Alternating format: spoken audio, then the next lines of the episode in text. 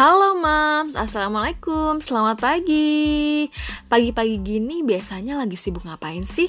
Selain sibuk beres-beres, tentunya kebanyakan Mams adalah menemani anak bermain Nah, biasanya anak-anak itu mainnya suka macem-macem gitu ya Dan mungkin ada juga yang pengen dibacain buku Nah, itu bagus banget tuh, Mams.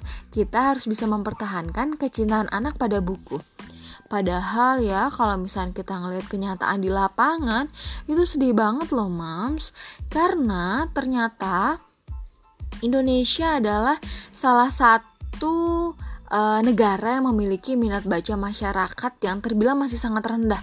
Jadi fakta ini benar-benar sedikit uh, mengagetkan buat kita ya, tapi nggak apa-apa. Oke, biarkan saja dengan fakta yang ada uh, kita berusaha untuk membuat anak kita sendiri dari di dalam rumah kita sendiri menjadi lebih baik dibanding orang lain. Ketika anak kita sudah baik, nanti kita bisa mencoba menyebarkan kecintaan buku yang lebih luas lagi. Nah, Mams pasti pernah denger dong ungkapan buku adalah jendela dunia. Ungkapan ini sih sebenarnya menegaskan kalau salah satu sumber informasi dan sumber ilmu yang penting itu bisa kita temukan di dalam buku. Padahal sih keberadaannya sekarang itu sudah tergeser ya sama teknologi. Tapi tetap aja ya namanya buku tetap menjadi media utama dalam proses belajar seorang anak. Nah, sekarang nih permasalahannya adalah bagaimana ya cara menumbuhkan minat baca anak biar dia cinta buku. Kalau udah suka buku sih seru ya, tapi kebanyakan anak itu harus ditumbuhkan dulu nih mams nih. Apalagi mengingat kebanyakan uh, orang dewasa sekarang atau mungkin kakak-kakaknya gitu kan dilihat tidak begitu suka buku, lebih senang main gadget, lebih senang main-main yang lain gitu ketimbang buku. Tapi kita bisa loh menumbuhkan minat baca anak terhadap buku. Nah, salah satu caranya agar anak bisa cinta buku itu adalah read aloud, Mam. Nih ya, ternyata saya baca dari sebuah penelitian Becoming a Nation of Readers menyebutkan satu-satunya kegiatan yang bisa mendorong anak untuk gemar membaca adalah kegiatan reading aloud aktivitas reading aloud ini beda sih sama mendongeng ya. Karena kalau aktivitas membaca dengan lantang itu kita menekankan keadaan buku, adanya buku nih di depan kita gitu. Jadi kita sambil baca sambil ngomongnya lantang. Kalau mendongeng, kita bisa mendongeng aja tanpa ada buku. Jadi kita bikin aja asal-asalan gitu ya cerita dongeng apa, dongeng apa gitu. Dan dongeng ini lebih menonjolkan cerita dengan bahasa yang lugas dan menghibur. Jadi, kalau dongeng tujuannya untuk menumbuhkan kecintaan anak pada cerita dan bahasa, maka reading aloud ini tujuannya untuk menumbuhkan minat baca dan cinta anak pada buku. Dan buku Read Aloud Handbook karya Jim Trillis juga menjelaskan bahwa efektivitas metode ini terletak pada kemampuannya untuk mengkondisikan otak anak biar mampu mengasosiasikan aktivitas baca sebagai salah satu kegiatan yang seru.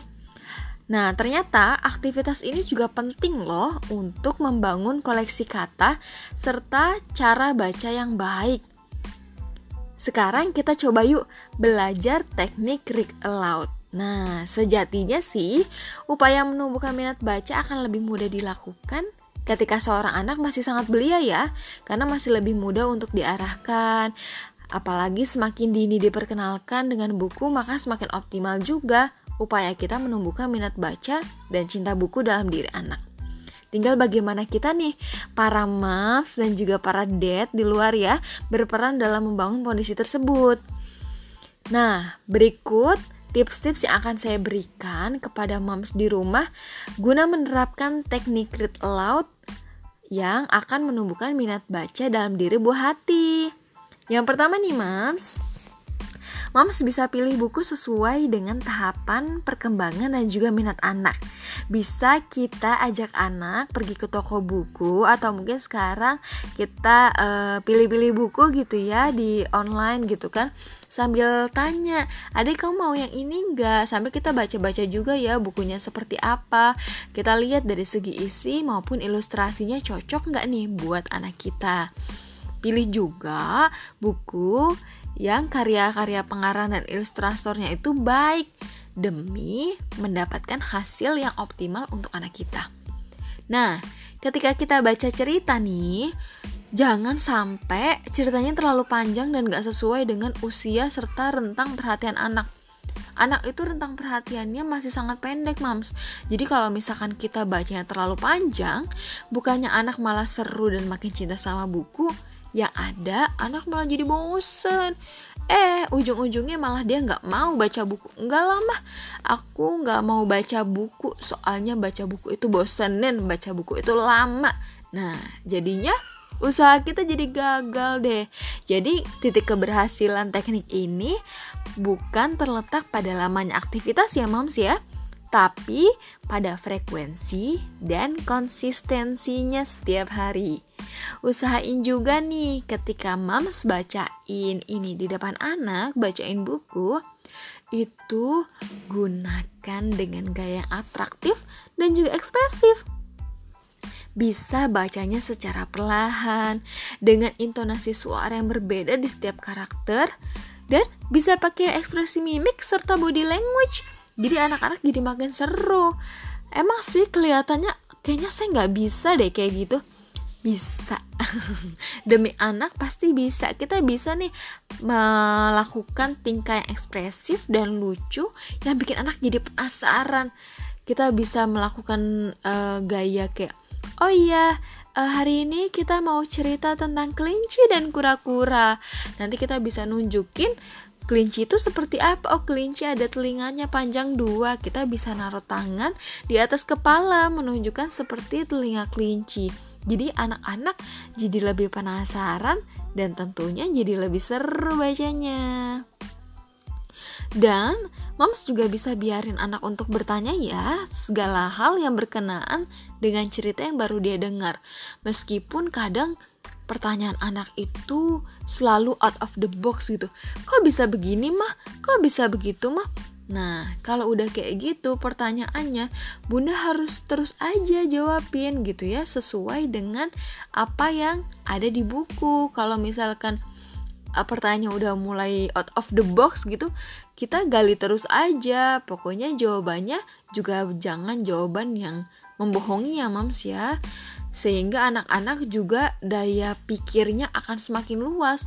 Karena kalau kita putus setiap pertanyaan mereka aduh udah deh kamu jangan nanya macem-macem mama tuh bingung. Nah nanti anak-anak lama kelamaan rasa penasaran atau rasa ingin tahu mereka itu akan menjadi terputus atau akan menjadi berhenti. Sehingga ketika besar nanti mereka jadi ya udahlah bodoh amat orang. Waktu kecilnya juga saya nggak diperbolehkan tanya ini itu. Jadi seperti itu moms ya. Nah lanjut ya. Untuk menerapkan teknik read aloud ini sebenarnya nggak ada waktu dan tempat yang khusus loh.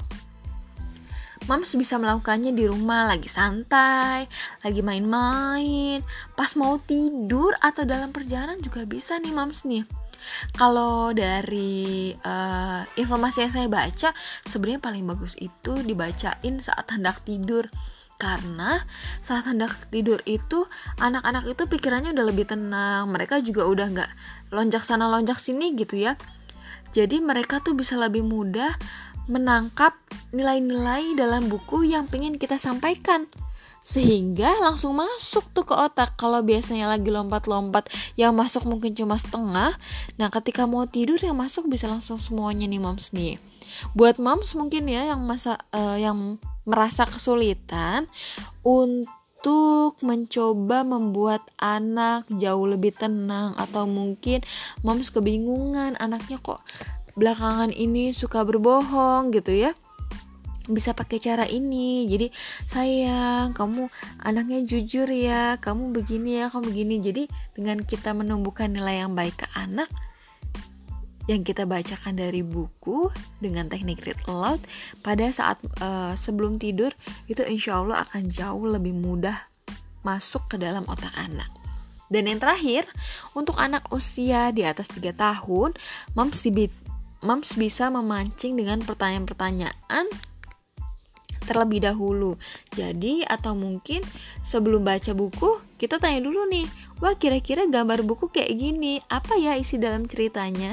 Atau mungkin setelah baca buku kita kasih mereka kesempatan untuk cerita kembali apa yang udah dia dengar sehingga kita bisa tahu mereka Nyimak gak sih? Nanti kalau mereka sudah menuturkan, moms pasti benar-benar akan merasa uh, terkaget-kaget gitu ya. Wah hebat ya anak saya ya, bisa menjelaskan apa yang sudah saya jelaskan tadi.